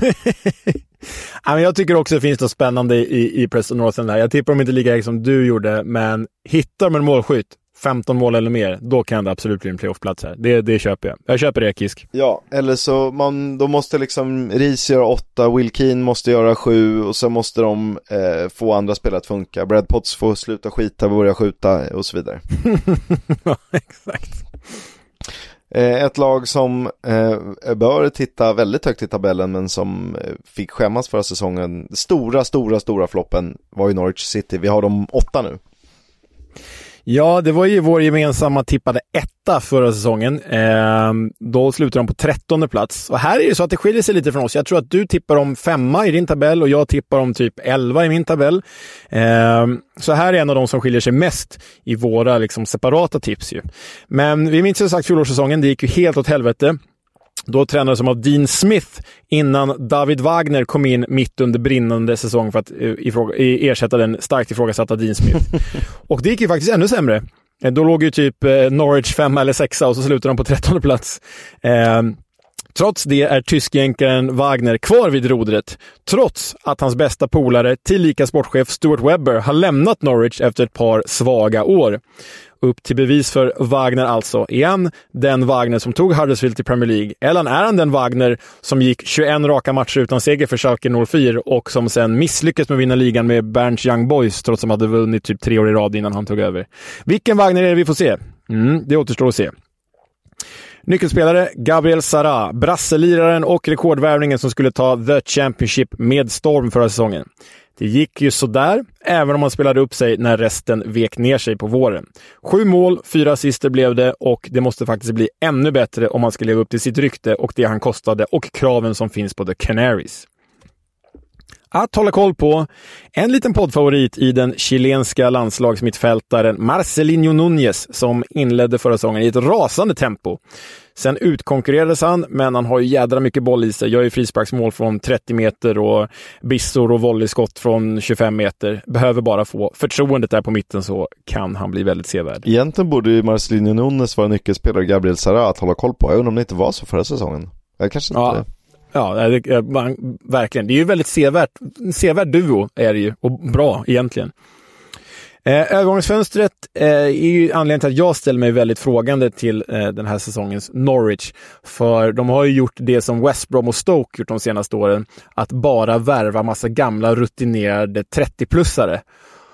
Jag vet inte fan hur det blir alltså när man kliver ner från Premier League och landar här. De har alltså plockat in Ashley Barnes 33 år från Burnley. Shane Duffy, 31 år från Fulham. Eh, Christian Fachnacht, eh, 29 år från eh, Young Boys. Jack Stacey, 27-åring från Bournemouth. Och sen då den kanske spännande nyförvärvet Borja Sainz, 22-årig ytter från Giresunspor. Spanjor som gjorde 9 mål och 3 assister på 32 matcher i turkiska ligan. Förluster, tunga sådana. Temo Pukki, som trots en dålig säsong stod för 18 poäng. Bali Mumba, egna produkten, eh, supertalangen, går till Plymouth. Kieran Dowell, nyckelspelare för Wagner i våras, är klar för Rangers. Daniel Sinani har gått till St. Pauli. Michael McGovern, tredje keepern, har gått till Hearts. Sam Byram har lämnat på free transfer. Ja, Norwich och Fulham bröt ju en trend förra säsongen. De bytte inte längre av varandra i tabellerna. De har ju annars förkroppsligat jojo-lagen de senaste säsongerna i England. Norwich, tycker jag i alla fall, står och stampar, letar efter en svunnen identitet, har en fantastisk akademi som de inte utnyttjar och istället satsar på de här rutinerade pjäserna. Detta samtidigt som sportchefen lämnar och som ägarparet, främst lett av Delia Smith, har aviserat att klubben är till salu om rätt köpare dyker upp. Så jag tycker det känns lite skakigt i det annars så stabila Norwich. Ja, att jag har dem där uppe är att jag eh, kanske inte ser så många absoluta topplag den här säsongen. Eh, vi ska inte avslöja vilka de är, men vi kan väl säga att Premier League, nykomlingar från Premier League tillsammans med några, några klassiska är där uppe. Men att jämföra med övriga lag, ni kan räkna ut vilka som kommer nämnas där, men Sunderland, Millwall, West Brom, så känns de ju ändå starkare någonstans. Så nu vet de ju vad som inte funkade förra säsongen och har ju höjden för att kunna eh, rätta till det. Så att jag har dem på femte plats och du på elfte plats. Jag tror, jag tror han på typ elfte plats eller något sånt där. Mm, mm. Uh, ja, uh, det här ska bli intressant. Mm. Och då har det ju blivit dags eh, för din polares favoritlag eh, som intar den sjunde platsen och sista platsen utanför playoffet alltså. Ja, eh, Millwall de slutade åtta förra säsongen. Eh, vi vet ju hur det gick. De leds återigen av Gary Wowett som eh, är skicklig på att bygga lag, även han, och har ett rätt fint lag att tillgå med eh, nyckelspelare. Ja, Jay Cooper är en, George Saville är en, eh, men framförallt så handlar mycket om Sian Fleming eh, om han är kvar, för att han är ju lite för bra för att spela i The Championship i ytterligare en säsong. Ja, har ju ryktats om Lazio för honom, så det kan, kan vara en stor flytt på gång där. Jag hoppas han blir kvar naturligtvis, men eh, vi får väl se. Att hålla koll på då, Romain Essay. Han är 18-årig yttermittfältare, tillika egen produkt. Han fick debutera förra säsongen, han är engelsk 18 landslagsman. Att han ska starta är väl kanske mycket begärt, men eh, att han ska spela, det tycker jag absolut att man kan kräva. Klara övergångar, Innermittfältare Kasper Denore från Leuven, Kevin Nisbet, anfallare från Hibernian, Joe Bryan, vänsterback från Fulham och Wes Harding, eh, försvarare från Rotherham. Man har tappat Scott Malone, Mason Bennett, Ryan Sandford och Oliver Burke. Och eh, när det kommer till rykten så handlar ju allt om att behålla The Bermondsey Bergkamp precis som vi nämnde. Eh, allt i er makt för att låta Sian Fleming få fortsätta briljera som nummer 10. Eh, det är det som behövs. Jag vet inte vad du säger Kisk, men jag tycker det här övergångsfönstret, sett till förutsättningar och lyckas man behålla Sian Fleming, tycker jag nog är bäst av alla i hela serien. Det känns jäkligt välscoutat och rätt med de här, med de här spelarna. Och Joe Bryan är ju förstås en Fulham legend, så det, det uppskattar man ju, att han får speltid någonstans. Ja men Millwall går från klarhet till klarhet. De gör inte så mycket och det är kanske det som är styrkan istället för att liksom fräsa till med, med fyra 33-åringar och även om man är yngre än jag när man är 33 så Eh, ja, typ Norwich fönster är ju eh, rätt trist. Watford också. Eh, om vi ska jämföra lag som förmodligen borde figurera i samma eh, trakter. För andra säsongen i rad var Millwall uppe och nosade på 70 poäng. I, I fjol hade det inte hjälpt, men i våras var man en genomklappning ifrån playoff-plats. Eh, och är det eh, annars skicklig Gary Rowads akilleshäl? Eh, det som det dock mest pr eh, pratats mest om under sommaren är ju annars sympatiske och populära ägaren John Berylsons tragiska bortgång, 70-åringen omkom i en bilolycka och hans position som ordförande tas över av sonen James tveksamt hur mycket laget påverkas men Berylson var ju en av få utländska ägare som faktiskt tagit sig in i folks hjärtan och då ska vi säga att det är South Bermondsey man gör det i. Det är alltså en av de mest hårdföra och mytomspunna klubbarna eh, och det är ju, alla människor har hjärtan men eh, lyckas man som jänkare att bli populär i Millwall eh, då har man gjort sitt arbete rätt. Ja, ah, då har man gjort något rätt. Eh, Sian Fleming kanske en MVP sett till övriga laget eh, och eh, övriga lagens trupper, kanske den viktigaste spelaren för ett enskilt lag. Eh, hur ersätter man eventuellt det? Det är ju det allting handlar om för mig. Ja, där, jag har ju faktiskt satt dem på playoff precis inne på playoff och du har satt dem precis utanför och då blir de ju sjua. Så äh, men vi tror ju mycket på Millwall och det vore ju kul med dem i playoff, vilken kraft det skulle kunna vara. Eh, så vi får se vart det landar. Eh, nu öppnar ju playoffplatserna då, Kisk, och där får du fortsätta på sjätteplatsen. Ja, min seriesegrare förra säsongen. Eh, jag minns att jag skrev om, därför vinner West Brom Championship trots att eh, de tränas av Steve Bruce. Just det. ja, eh, det gick ju som det gick. De slutade nio. Det var en fin text om inte annat. Ja, det var välskriven, men, eh, men dåligt scoutad bevisligen. West Brom slutade nia förra säsongen och var ju med där uppe, men inte riktigt hela vägen.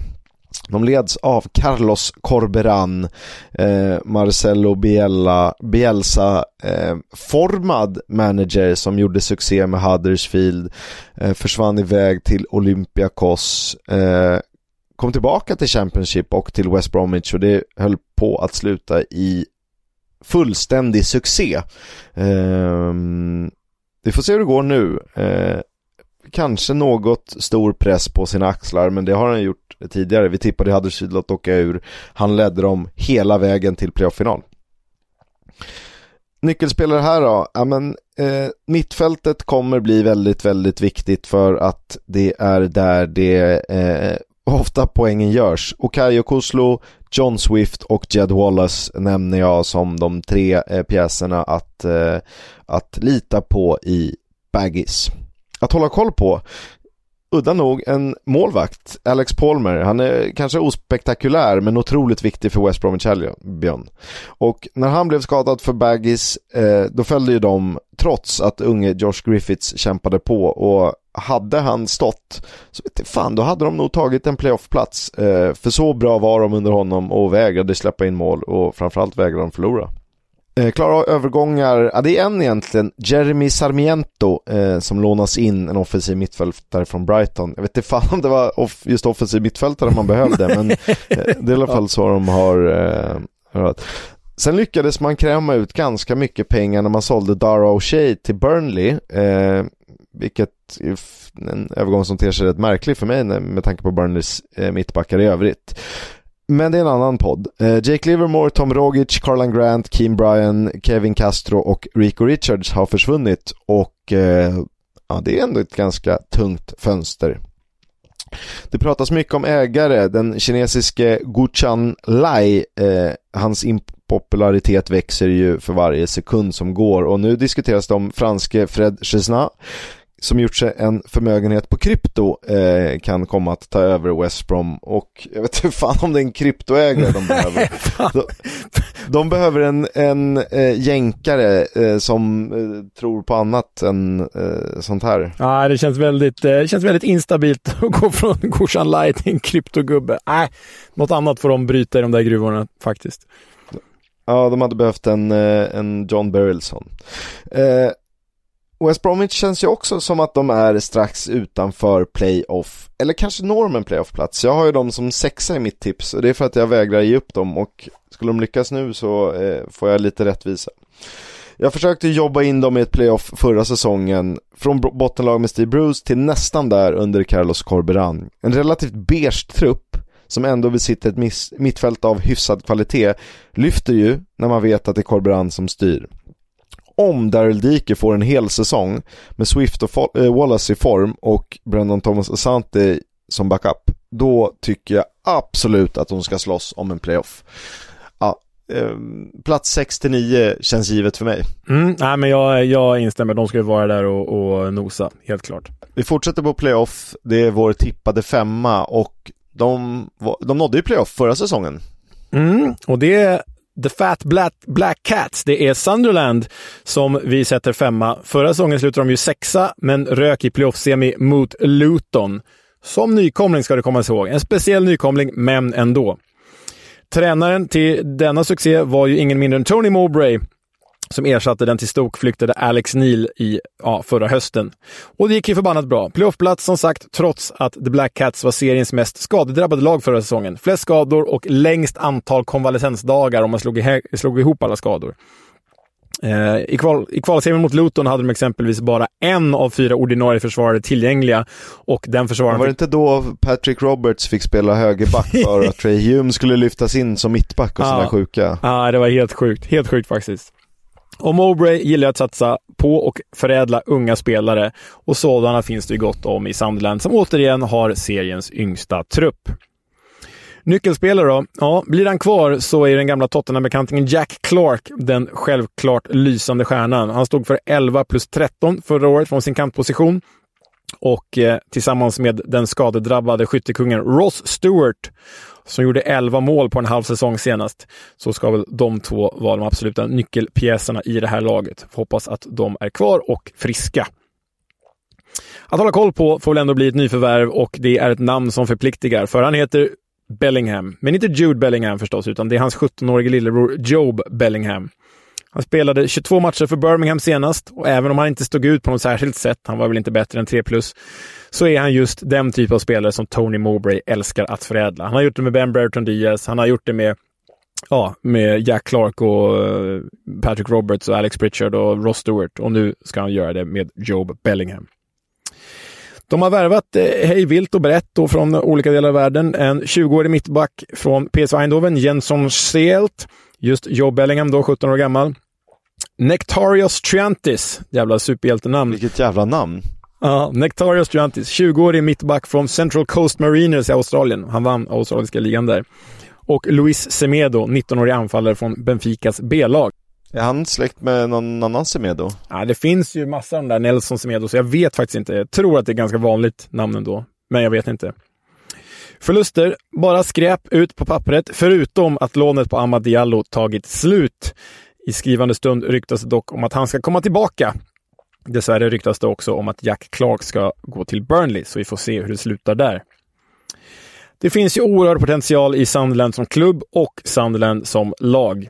Och egentligen är det väl bara en tidsfråga innan de är tillbaka i Premier League igen. Men frågan är om det inte kan ske redan nu. Återigen yngst upp i serien, en av ligans bästa tränare och seriens kanske mest underhållande offensiv Ross Stewart, Jack Clark och Patrick Roberts. Ägare Kryll Louis Dreyfus måste vara nöjd med sin satsning. Och frågan är om det inte är lite väl tidigt för Premier League. Skulle, tänk om de, Mowbray skulle få ytterligare en säsong och bygga det här. Vad bra det skulle kunna bli på lång, lång sikt. Ja, ja, ja. ja men det, jag tycker det känns rätt. Sunderland känns för första gången sedan jag blev fotbollsintresserad. Känns som en välmående klubb. uh, så äh, det finns otrolig kraft i den här staden också. Så äh, Sunderland och uppåtsving eh, vill vi ha med oss den här säsongen. Och från ett rödvitt randigt lag till ett annat rödvitt, höll jag på att säga, rödvitt randigt lag. Eh, fjärdeplatsen Kisk, som vi båda hade som fjärde, fjärdeplats faktiskt. Ja, eh, Southampton, eh, de var ju jumbo i Premier League förra säsongen och eh, ska nu alltså ta sig an en ny utmaning. Det gör de med Russell Martin som är manager, han kommer närmast från Swansea, vi vet hur han ville spela fotboll och han ville ha mycket bollinnehav och misslyckandet kan väl till vissa delar skyllas på att eh, kvaliteten i truppen inte riktigt matchade sättet han ville spela fotboll på. Det var lite som om, jag vet inte, eh, Pep Guardiola skulle träna Barcelona men med inte Elches trupp, men så här, något Huesca-trupp. Och det, det, är inget hån, utan för att försöka förklara. Det, kan, det är väl rimligt. Alltså, jag, jag, tycker det är så spännande med Russell Martin, för han är hyllad, vi hyllar honom, han får hela tiden bättre jobb från MK Dons till Swansea, från Swansea till Southampton. Men det som du är inne på här är att han är insiktslös. Ju. Alltså han står för sin tiki-taka i oändlighetsfotboll oavsett hur materialet är.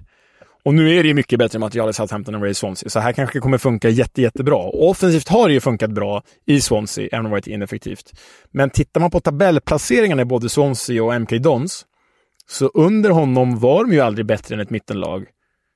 Så det är lite, lite, jag är rädd för att det kan vara lite för naivt och att det här faktiskt kan vara det som skälper Southampton den här säsongen. Vad, vad, vad säger du om det, Chris? Ja, det är faktiskt ingen dum analys. Om man kollar på många av italienska tränare är de väldigt flexibla och kan anpassa sig.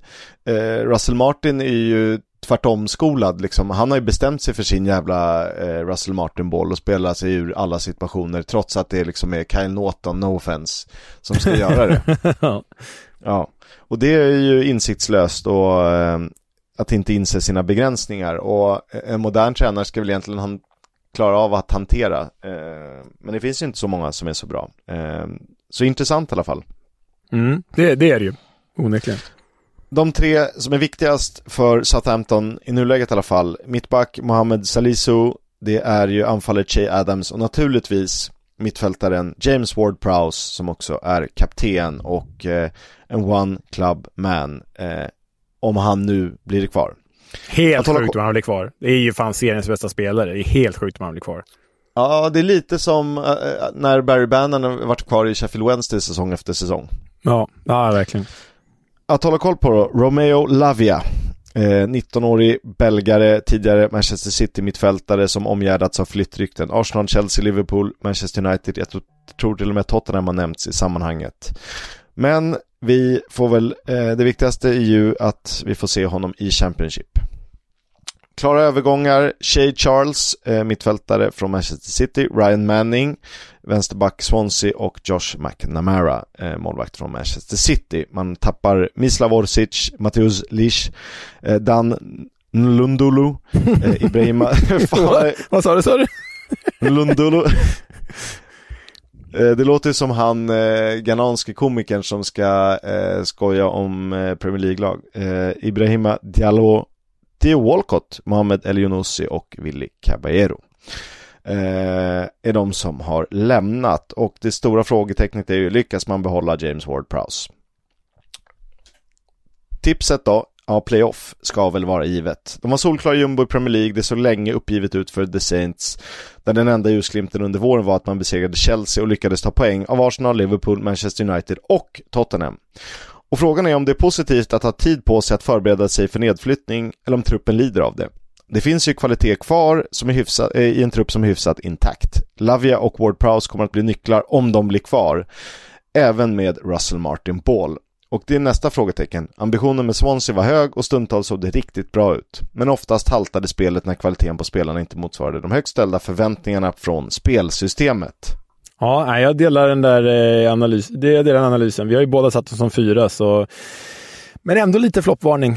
Det som, det som är spännande här, skulle jag vilja säga, med de tre nykomlingarna från Premier League, som vi uppenbarligen då har satt på topp fyra, att alla har ganska hög fallhöjd. Alla går ju in som favoriter förstås, men jag skulle inte bli förvånad om Southampton, Leicester eller Leeds totalfloppar och gör Norwich eller Watford från förra säsongen och kommer tia. Eh, så kan det bli. Eh, det beror också på, som sagt, det är mer än en månad kvar av transferfönstret. Och eh, hur ersätter man eventuella stjärnor som drar? Typ en Ward Prowse. Det går ju inte att ersätta givet att han är liksom vad Drossi var för Roma typ. Om ja. inte större, ja det var inte riktigt, men ja ni fattar vad jag menar. Eh, på plats tre, här är vi inte riktigt överens. Jag har Leicester här, du har ett annat lag, men det blir Leicester som är vår gemensamma trea. Ja, Leicester blir vår gemensamma trea. Förra säsongen kom de ju på 18 plats i Premier League med ynka två poäng upp till Everton som höll sig kvar. 2016 års Premier League-mästare skulle förstås inte kunna ramla ner, men de gjorde det ändå. Och för första gången på ett par år kändes Leicester riktigt oinspirerat, riktigt trött, inte särskilt välskött under thailändska ägarna Shivadana Prava. Detta trots spelare som James Madison, Jamie Vardy, Juri Tillemans och så vidare. Ny tränare vid rodret, Brendan Rodgers är borta, Dean Smith är borta och istället är det italienaren och den gamla FM-legendaren Enzo Maresca som har tagit över. Den nya Mikel Arteta. Han kommer ju nämligen senast från Manchester City där han var Guardiolas högra hand. Han var ju Artetas ersättare i Manchester City. Dessförinnan har han tränat Parma där det gick sådär. Som spelare väldigt bekant för oss Serie A-vurmare med meriter från Juventus, Fiorentina, Sampdoria och Palermo, men även spelat i klubbar som Sevilla, Olympiakos och West Bromwich Albion. Nämns ju som eh, tränarvärldens next big thing. Såklart man är om man har varit Guardiolas högra hand. Nyckelspelare i Leicester då? Kiernan Dewsbury Hall och Harry Winks. Kiernan Dewsbury Hall är ju den egna produkten och Harry Winks är prestigevärdningen från Tottenham där den ena ska axla manteln som James Madison har lämnat efter sig och den andra ska återfå sin karriärs forna status efter ett riktigt miserabelt år i Sampdoria. Och det här är alltså ytterligare en spelare, om man pratar om Dele Alli som inte funkat någon annanstans, ytterligare en spelare som under Maurizio Pochettino varit helt otroligt bra och alltså varit typ bäst på plan när Tottenham har slagit Real Madrid. Eh, det säger någonting om vilken höjd han hade i sig. Det är frågan om Harry Winks kan hitta tillbaka till den. Men jag tyckte det var synd att han lämnade Spurs, jag tycker att han hade varit, kunnat vara duglig som rotation där. Eh, det behövs ju många spelare. Ja, och det blir ju således, alltså det är ju jäkligt tungt på pappret att de rår in honom då, Leicester. För tillsammans ska ju Wings och Dewsbury Hall bilda ligans kanske tajtaste och bästa mittfält. Att hålla koll på, Callum Doyle mittbacken, eh, 19 år ung, som har nått playoff-finaler två år i rad med Sunderland i League One och Coventry i The Championship senast. Inlånad från Marescas Manchester City och är ju en av landets mest lovande försvarare. Övergångar då. Harry Winks 120 miljoner kronor. Connor Cody, som ni minns från Wolverhampton, 90 miljoner kronor. Mads Hermansen, eh, keeper från Brönby, 80 miljoner kronor. Och Callum Doyle då, lån från Manchester City.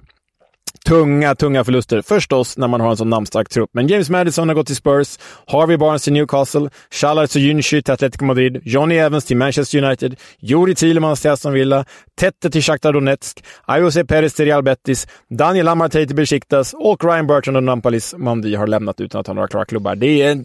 Hur åkte det här laget ut, Kisk? Ja, det är faktiskt sjukt, men de jobbade väl inte tillsammans som en trupp, eh, är väl den lös enkla lösningen. Ja, de har alltså sålt spelare för uppemot en miljard kronor. Och trots alla förlorade namn och kvalitetsspelare som har stuckit så ska Leicester ändå vara en av favoriterna att gå upp till direkt. Truppen borgar för det, laget är så bra på pappret och tränaren är förvisso en chansning, men han är ju så extremt spännande. Eh, stor fallhöjd här, men allt annat än topp två är ett enormt misslyckande för Leicester. Frågetecken finns förstås. Hur mår Jamie Vardy? Vad är status på spelare som Connor Cody? Och så vidare. Vi får se, men de ska ju gå upp direkt och ändå sätter vi dem tre. Ja, det är ju kanske för att du var snäll och lät min tvåa ligga kvar som tvåa. Ja, det är för att det var lite roligare så.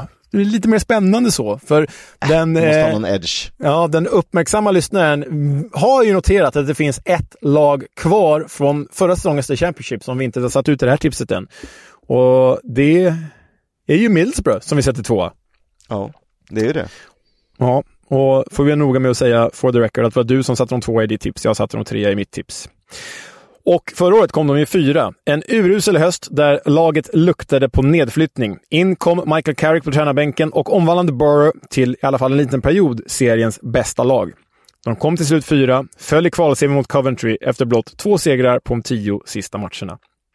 Nyckelspelare, Shubakpom, skyttekung på 29 mål. Nuff said. Även om vi gärna nämner Hayden Hackney på det centrala mittfältet. Att hålla koll på Dan Barlaser, turk-engelsmannen som kom från Rotherham i vintras. Han tog ingen startplats eh, från varken Hackney eller Johnny Hausen, men i och med den senares ålder och Barlasers kvalitet bör han nog spela in sig nu. Annars kan man ifrågasätta den där eh, flytten. Alltså Johnny Hausen är ju typ äldre än vad du och jag är, Kisk, så det bör bli dags för ett skifte där. Dan Barlaser är ju ett spelgeni och dirigent i ett, så låt oss hoppas att han får lite speltid. Vad har Michael Carrick värvat då? Jo, ungt i Alex Gilbert, 21-årig irländare från Brentford. Sam Silvera, 22-årig australier från Central Coast Mariners han också. Morgan Rogers, talang från Manchester City och Rav Vandenberg, Sepp Vandenbergs lillebrorsa på 18 bast, mittback. Därtill har de dragit in tre målvakter, varav en är Queens Park Rangers senegalesiska landslagsman Senny Dieng, som ju ska ta första spaden från Zack Steffen, vars lån har tagit slut. Sen är det ju då som känns lite jobbigt här för Middlesbrough. Nu är ju fönstret långt från slut, men tunga, tunga, tunga jädra förluster av lånespelare i Cameron Archer, Aaron Ramsey, båda Aston Villa, och Ryan Giles, Wolverhampton. Och det här var ju tre av seriens 12 bästa spelare förra säsongen, kan vi säga så? Um, det var i alla fall tre av Middlesbroughs bästa spelare. Uh, skämt åsido, uh, det här är ju spelare som Carrick nog kan lösa, eller åtminstone likvärdiga alternativ. Ja, och det kommer ju komma in, det kommer komma in mer folk. Nu verkar Ryan Giles gå till Luton. Middlesbrough vill ju köpa loss honom eftersom Wolves inte vill ha honom. Men eh, vi, tror ju i, vi tror ju på processen. Vi tror på Steve Gibsons ledarskap som ägare. Vi tror på Michael Carricks egenskaper som tränare och vi tror på den här truppen, även om det saknas nog ett par namn för att eh, innan det här fönstret eh, stängs. Det råder i alla fall ingen tvekan om att Michael Carrick kan ta dem tillbaka till Premier League. Eh, och sen kan man ju fråga sig det här med det psykologiska, att de bara vann två av de tio sista matcherna. Vad hände där? Men eh, Carrick med en hel försäsong bakom sig bör kunna leda Middlesbrough rätt. Vi tror på Borough direkt upp till Premier League. Ja, det hade varit fett. Och det är lite roligare än något annat. Och Verkligen. har ni varit uppmärksamma eller håller på ett visst lag så har ni nog kunnat räkna ut vilka som är vår gemensamma etta. Och det är såklart Leeds United. De slutade på 19 plats i Premier League förra säsongen, därför återfinns de i andra divisionen. Eh, deras manager Daniel Farke hade en 33% i vinstprocent i Gladbach. Han har dock vunnit Championship 2019 och 2021 med Norwich. Eh, ska det vara tredje, eh, vad ska man säga, tredje gången gilt då eh, med två års mellanrum? Ja, vi får väl se. Eh, som tre nyckelspelare Eh, förutsatt att de är kvar och håller sig skadefria så väljer trion Luis Sinisterra, Jack Harrison och Patrick Bamford. Och när det handlar om att hålla koll på någon så är det Willy Gnonto. Han är blott 19 år, han är redan italiensk landslagsman och målskytt i Premier League.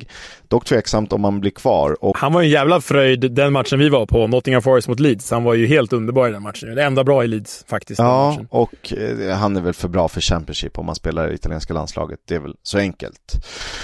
Eh, bland klara övergångar, eh, det är Ethan Ampadu, eh, mittback, mittfältare kan han också användas som från Chelsea. Eh, man har tappat Tyler Roberts, Rodrigo, Mark Rocca, Robin Koch, Joel Robles, Brendan Aronsson, Rasmus Christensen och Adam Forshaw.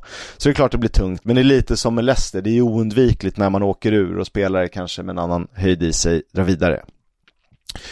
Eh, mitt tips är att de här tar en direktplats. Och trots ett par namnkunniga tapp känns truppen inte överdrivet försämrad och således redo för en säsong i Championship med favoritskap.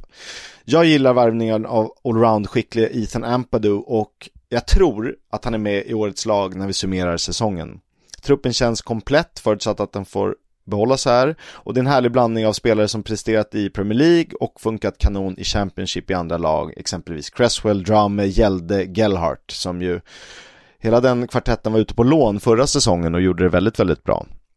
I nuläget ser jag inte vad som ska kunna stoppa Leeds från eh, uppflyttning, givet att övriga konkurrenter, ah, man ramlar inte av stolen. Det känns som svagare topp, men det, det visste vi inte om Burnley förra säsongen heller. Nej, exakt. Och sen är det väl värt att säga att Leeds, att, det, att övergångsfönstret ser ut som det gör för dem, att de inte har värvat så mycket än, det beror på att de har genomgått ett ägarbyte under sommaren. Andrea Radrizzani har ju sålt klubben till de som äger San Francisco 49ers, va?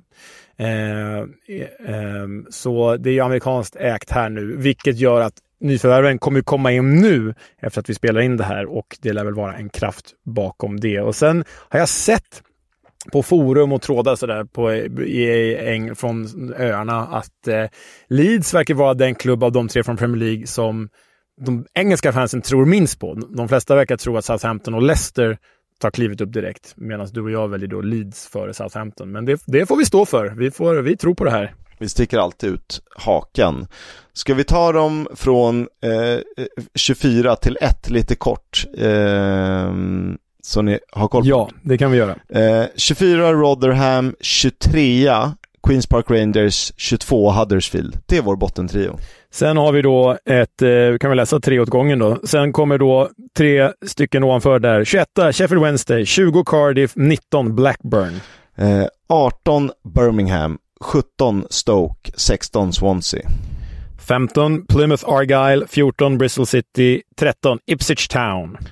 12 Watford, 11 Coventry och 10 Hull. 9 Kisks överraskning Preston North End, 8 Norwich och 7 Millwall.